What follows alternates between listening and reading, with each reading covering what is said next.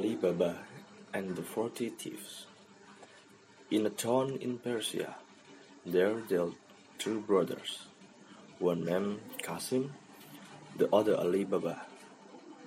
Kasim was married to a rich wife and lived in plenty, while Ali Baba had to maintain his wife and children by cutting wood in the neighboring forest and selling it in the town. One day, when Ali Baba was in the forest, he saw a troop of men on horseback coming toward him in a cloud of dust. He was afraid. They were robbers and climbed into a tree for safety. When they came up to him and dismounted, he counted forty of them. They unbridled their horses and tied them to trees. The finest man among them whom Ali Baba took to be their captain, went a little way among some bushes and said, Open sesame, so plainly that Ali Baba heard him. A door opened in the rock, and having made the troop go in, he followed them, and the door shut again of itself. They stayed some time inside, and Ali Baba, fearing they might come out and catch him, was forced to sit patiently in the tree. At least, the door opened again, and the forty thieves came out. As the captain went in last, he came on first, and made them all pass by him. He then closed the door, saying, Shut sesame. Every man bridled his horse and mounted. The captain put himself at their head and they returned as they came. The Ali Baba climbed down and went to the door concealed among the bushes and said, Open sesame, and it flew open.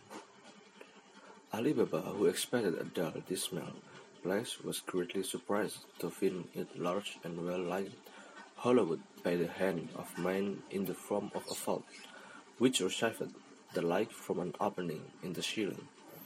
He saw rich bales of merchandise, silk stuffed brocades, all piled together, and gold and silver in heaps, and money in leather purses. He went in at the door shut behind him. He did not look at the silver, but broke out as many bags of gold as he took his asses, which were bursting outside. Colt Carey loaded them with the bags and hid Will Fox. Using the word such as him. He closed the door and went home. Then he drove his asses into the yard, shut the gates, carried money bags to his wife, and untied them on before her. He bade her keep the secret, and he would go and bury the gold. Let me first measure it, said his wife. I will go borrow a measure of someone while you dig the hole. So she ran to the wife of Kasim and borrow a.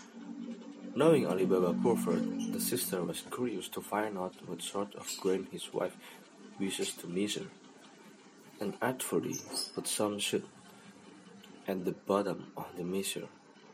Ali Baba went home and set the measure on the heap of gold, and filed it and emptied it often to her great content.